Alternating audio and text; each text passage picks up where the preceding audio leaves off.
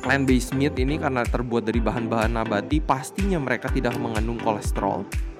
Mereka tidak mengandung karnitin. Orang-orang yang mengkonsumsi plant-based meat ini ada yang mereka sebut dengan health halo effect. Jadi artinya apa?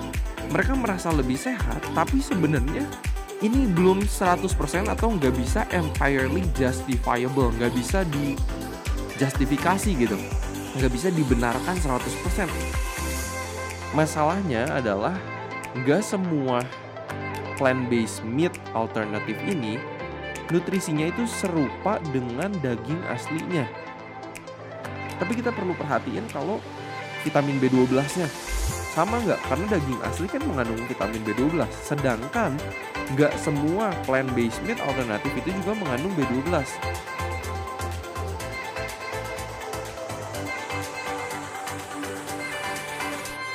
Halo semuanya, selamat datang lagi di podcast Sehat Seutuhnya bersama saya Will Yonas. Gimana nih kabarnya teman-teman semua, para pendengar podcast kalian? Terima kasih banyak nih buat teman-teman yang sudah menghubungi saya, menghubungi Instagram kami Sehat Seutuhnya. Bilang terima kasih nih atas kontennya. Beberapa kali kami sangat terharu, sangat apa ya, seneng. Sangat seneng banget ketika melihat bahwa, oh konten-konten yang kita buat ini ternyata bermanfaat. Kita harap teman-teman bisa mempraktekannya, boleh menyebarkannya ke teman-teman, ke keluarga, orang-orang yang kalian kasihi, supaya kita semua boleh sehat seutuhnya. Bukan hanya secara fisik, bukan hanya dari pola makan, dari olahraga, tapi jam tidur juga. Waktu itu kita pernah pernah kita pernah bahas di episode yang judulnya The Body Clock atau jam tubuh manusia. Itu sangat menarik banyak penelitian yang dibahas juga diulas. Uh, salah satunya juga banyak penelitian yang dilakukan oleh Matthew Walker, PhD, uh, eh, seorang sleep scientist. Jadi sekali lagi teman-teman kita harus memperhatikan banyak banget aspek kesehatan, bukan cuma fisik, tapi mental, spiritual juga. Uh, itu sangatlah penting juga. Belakangan memang saya menjadi lumayan lebih sibuk oleh karena pekerjaan di rumah sakit juga. Dan sebenarnya saya semakin excited nih. Oleh karena semakin saya melakukan menjalankan program terapi mandiri hidup sehat untuk diabetes di Rumah Sakit Advent Bandung bersama tim kami, itu sebenarnya saya makin semangat. Kenapa? Oleh karena dengan bukti-bukti asli melihat life transformation atau health transformation yang saya lihat di pasien-pasien program diabetes gitu. Kualitas hidupnya jauh meningkat. Ke apa ya? Mereka ini lebih menikmati hidup gitu. Oleh karena mereka telah menjalankan gaya hidup sehat ini. Jadi teman-teman yang aku ingin tekankan sekali lagi adalah bahwa gaya hidup sehat itu perlu dilakukan dengan senang hati, dengan bahagia. Makan sayur, buah, kacang-kacangan, biji-bijian itu bukanlah Jangan lihat ini tuh sebagai suatu keharusan, tapi sesuatu yang akan memberikan berkat ke kita, sesuatu yang menyenangkan, sesuatu yang enak. Jadi hidup sehat itu bukan jadi beban. Jadi buat teman-teman, ini mindset yang uh, saya pikir kita perlu miliki juga oleh karena sekali lagi hidup sehat itu harusnya dengan senang hati kita jalankan. Olahraga itu bukan karena paksaan, tidur cepat itu bukan karena paksaan, tapi emang ya kita ngerasanya jauh lebih baik Ketika kita sudah merasakan itu seperti yang dialami oleh peserta program diabetes di Rumah Sakit Advent Bandung, wow. Jadi mereka itu melakukannya sekarang bukan karena kita kasih tahu tapi karena mereka tahu itu baik buat mereka karena mereka sudah mengalaminya dan itu yang aku harapkan juga buat teman-teman sekalian. Buat teman-teman yang kira-kira ada anggota keluarganya atau teman-teman ada yang sudah memiliki pre-diabetes atau pre-diabetes, saya mengundang teman-teman untuk boleh coba ikut program kita di Rumah Sakit Advent Bandung. Boleh hubungi saya di Instagram saya dan flyernya juga selalu saya bagikan di Instagram Story dan yang lainnya. Semoga teman-teman bisa terbantu. Kualitas hidup bisa lebih meningkat, lebih menikmati hidup bersama keluarga, kakek nenek, orang tua, anak-anak, cucu-cucu. Dan itulah arti hidup kita gitu kan, menikmati hidup dengan orang-orang yang kita kasihi. Anyway, Hari ini kita akan langsung masuk ke pembahasan kita. Kita bakal ngobrolin soal plant-based meat alternative atau apa ya?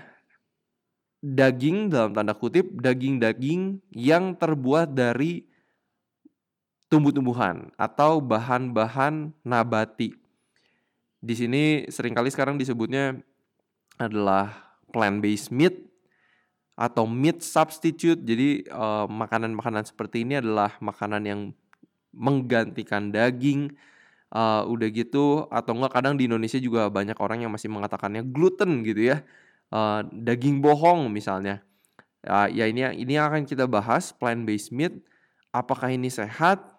apa yang kita perlu tahu, apa kelebihannya, tapi mungkin apa kekurangannya itu yang akan kita bahas dan karena jenisnya mereka itu banyak banget juga ada yang Impossible Burger, Beyond Burger, sekarang Burger King juga ngeluarin Whopper, udah gitu. Ada Omni Meat itu juga dari Singapore kalau nggak salah, udah gitu juga di Indonesia sendiri ada banyak brand juga kayak Green Rebel salah satunya, dan banyak banget brand-brand frozen food, uh, frozen plant-based meat lainnya juga kalau teman-teman ke supermarket ada misalnya vegetarian atau vegan section itu banyak juga. Saya sendiri tinggal di kota Bandung di beberapa supermarket contohnya di Junction 8 kayak gitu juga itu banyak didapati. Jadi hari ini kita bakal bahas apakah mereka sehat, apa yang kita perlu tahu tentang mereka, uh, apakah ada down effect-nya? Ini akan kita bahas. Semoga ini membuka wawasan kita juga ya buat teman-teman semua ya. Nah, makanan-makanan seperti ini, makanan-makanan plant-based meat ya, atau meat substitute, itu sebenarnya terbentuk atau dibuat sering kali, ini dari salah satu penelitian adalah untuk mimicking the taste and texture. Jadi sebenarnya mungkin ketika seseorang memutuskan untuk tidak mengkonsumsi daging lagi, tapi mungkin mereka ini kangen dengan rasanya dan juga dengan tekstur dari daging itu.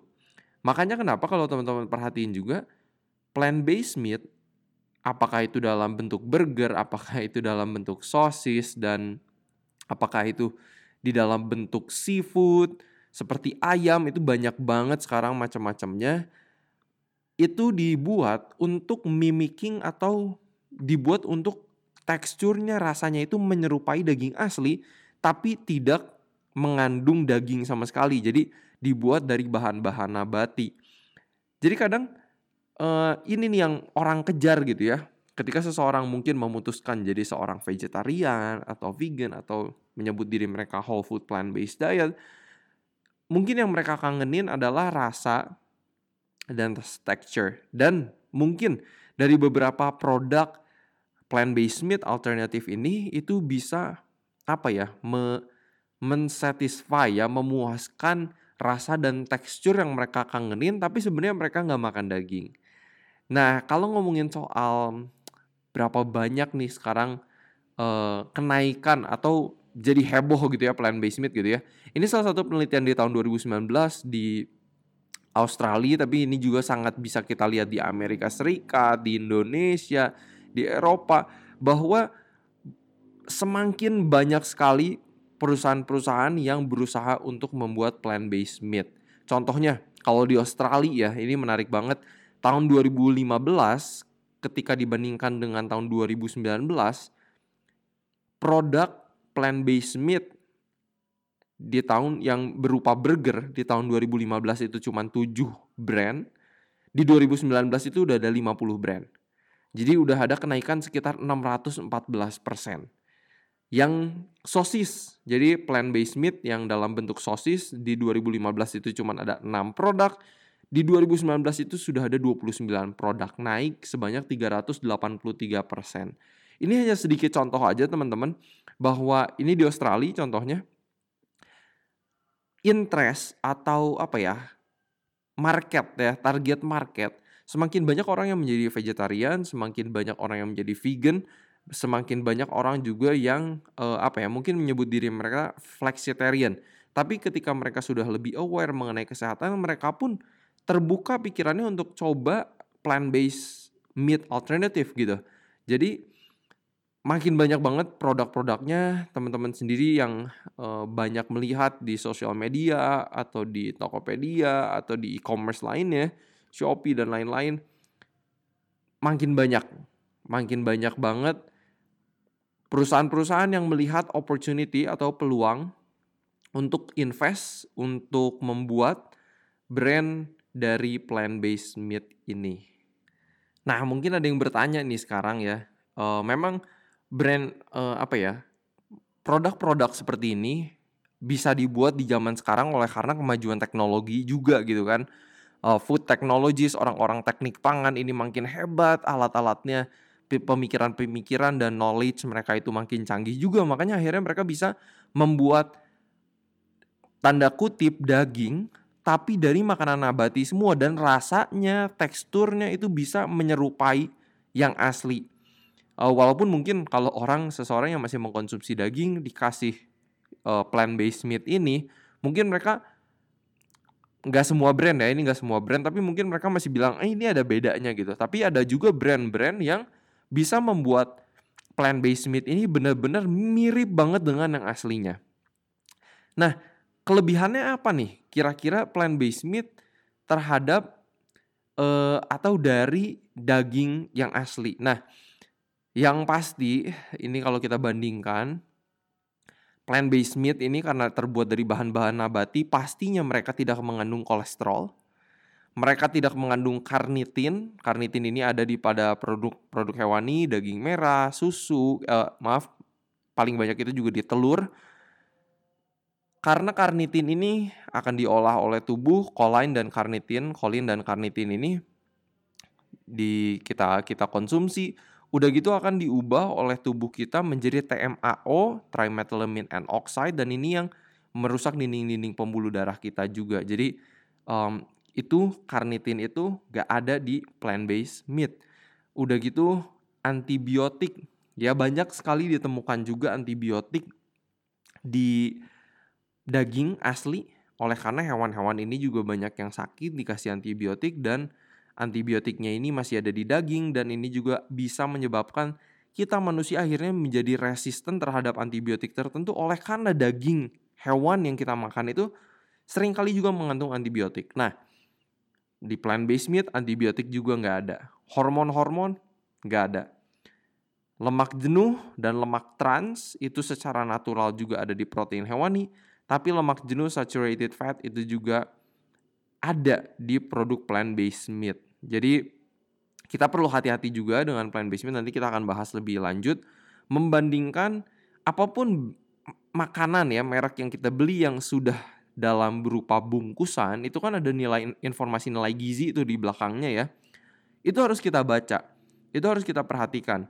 Oleh karena contoh kalau kita beli keripik kentang gitu.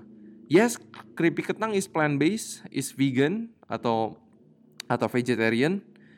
Tapi kita harus lihat nutrition facts-nya, kalorinya berapa banyak tuh gitu kan. Lemaknya berapa banyak tuh, lemak jenuhnya berapa banyak dan itu yang perlu kita tahu, kita perhatikan. Kita harus perlu perlu, perlu perhatikan juga. Nah, kadang banyak orang yang persepsinya oke okay, uh, eh, ada orang-orang yang vegetarian atau plant based atau vegan yang saya temui juga merasa sudah jauh lebih sehat ketika mereka mengkonsumsi plant-based meat alternatif ini. Yes, me memang betul mereka menghindari dari yang namanya kolesterol, dari karnitin, dari antibiotik, dari hormon yang ada di daging yang asli. Tapi ini dalam satu penelitian di Australia juga ini di uh, judulnya Plant-based Meat Substitute in Flexitarian Age, an Audit of Products on Supermarket Shelf.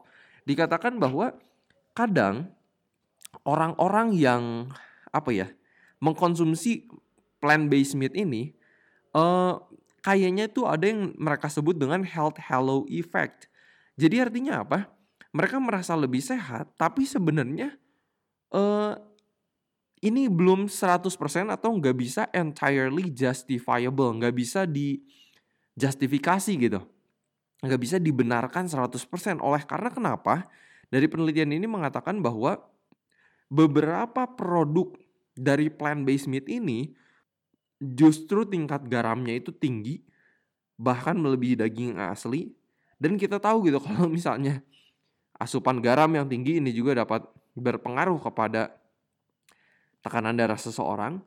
Ya kan? Jadi uh, kita ini perlu hati-hati juga. Sekali lagi baca labelnya, baca nilai informasi nilai gizinya ini salah satu tips atau triks yang paling penting banget. Jadi jangan semata-mata oh ya ini plant based meat, tapi kalau itu digoreng, kalau itu sodiumnya tinggi atau garamnya tinggi, ini kita perlu hati-hati juga teman-teman. Jangan cuman kayak oh ya pokoknya saya nggak makan daging, uh, then it's healthy. Um, belum tentu, oke? Okay? Ini yang uh, aku pengen tekenin juga nih buat teman-teman semua.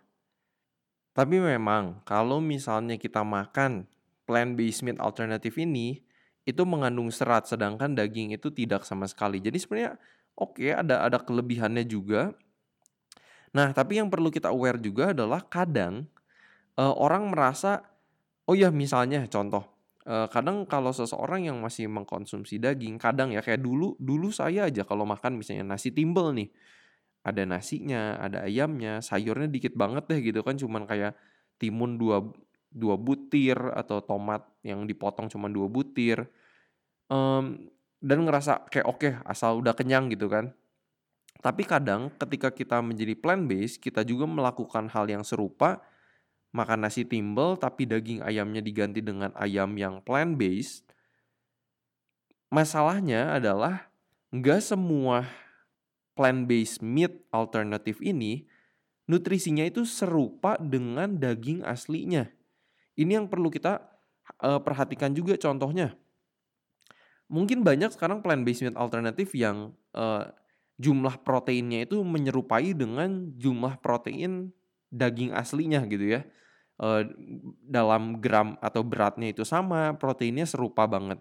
Tapi kita perlu perhatiin kalau uh, vitamin B12-nya sama nggak? Karena daging asli kan mengandung vitamin B12. Sedangkan nggak semua plant-based meat alternatif itu juga mengandung B12.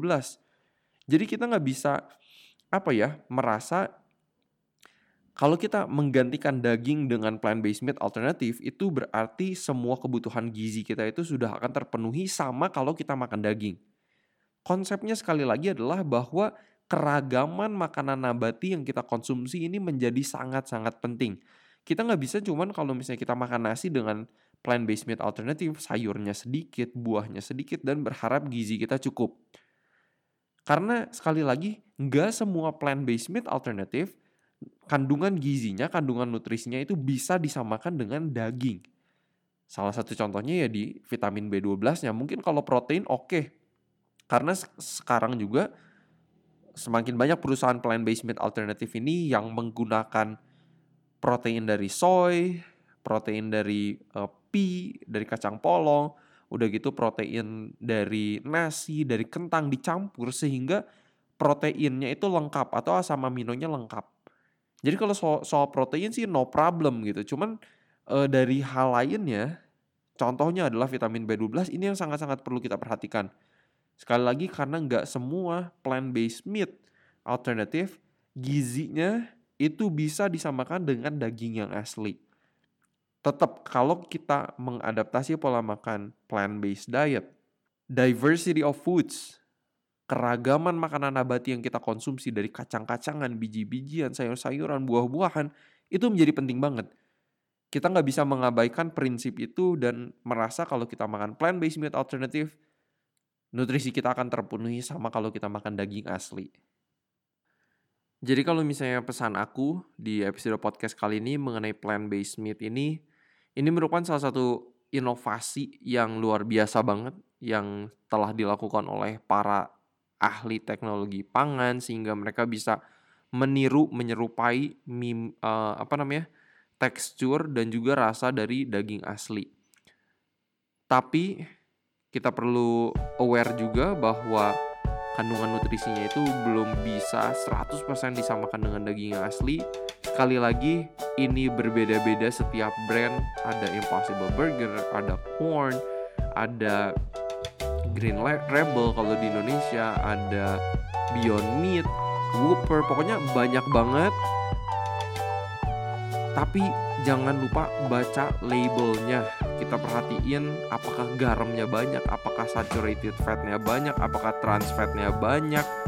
karena itu juga perlu diperhatikan gitu buat kesehatan kita dan apakah produk itu mengandung vitamin B12-nya itu juga bagus untuk diperhatikan. Sekali lagi kita tidak bisa mengabaikan prinsip bahwa ketika kita makan pola makan apa pun khususnya whole food plant based diet, keragaman makanan nabati itu sangat penting banget, sangat penting banget, nggak bisa diabain. Jadi mungkin itu yang saya bisa bagikan di episode podcast kali ini. Saran saya, saran saya adalah plant-based meat alternative ini sebaiknya menjadi transitional food, makanan sekali-sekali, jangan tiap hari. Uh, selain itu juga cenderung lebih mahal dibandingin kita makan kacang hijau, kacang merah, tempe, tahu gitu kan. Tapi kalau kita bisa makan makanan nabati yang seasli mungkin, seutuh mungkin ini adalah yang terbaik karena kalau kita ngomong kacang merah, kacang hijau, tempe itu seratnya jauh lebih banyak dibandingkan dengan kalau sudah menjadi plant based burger gitu. Plant based burger yang udah di package gitu ya. Kecuali kalau plant based burgernya kita bikin sendiri. Kita bikin sendiri contohnya salah satu yang saya bikin adalah saya bikin dari chickpea, saya bikin dari ada pakai flaxseed, ada havermutnya, ada pokoknya kacang macam-macam banget itu seratnya tinggi banget karena sering kali uh, ketika plant based meat ini dibuat adalah yang mereka ini isolated proteins ya. Jadi proteinnya aja yang mereka ambil seratnya dibuang. Makanya kenapa teksturnya itu bisa mirip banget juga dengan daging asli. Anyway saya nggak tahu secara detailnya bagaimana di laboratorium dan food technologies bikinnya tapi intinya makanlah makanan nabati yang beragam plant-based meat alternatif jadikan makanan itu sebagai makanan sekali-sekali atau transition food. Ketika kita mau bergerak lebih kepada plant-based diet atau vegetarian atau vegan diet um, itulah yang saya sarankan secara pribadi. Mungkin itu yang saya bisa bagikan. Seperti biasa harapan saya semoga kita sehat seutuhnya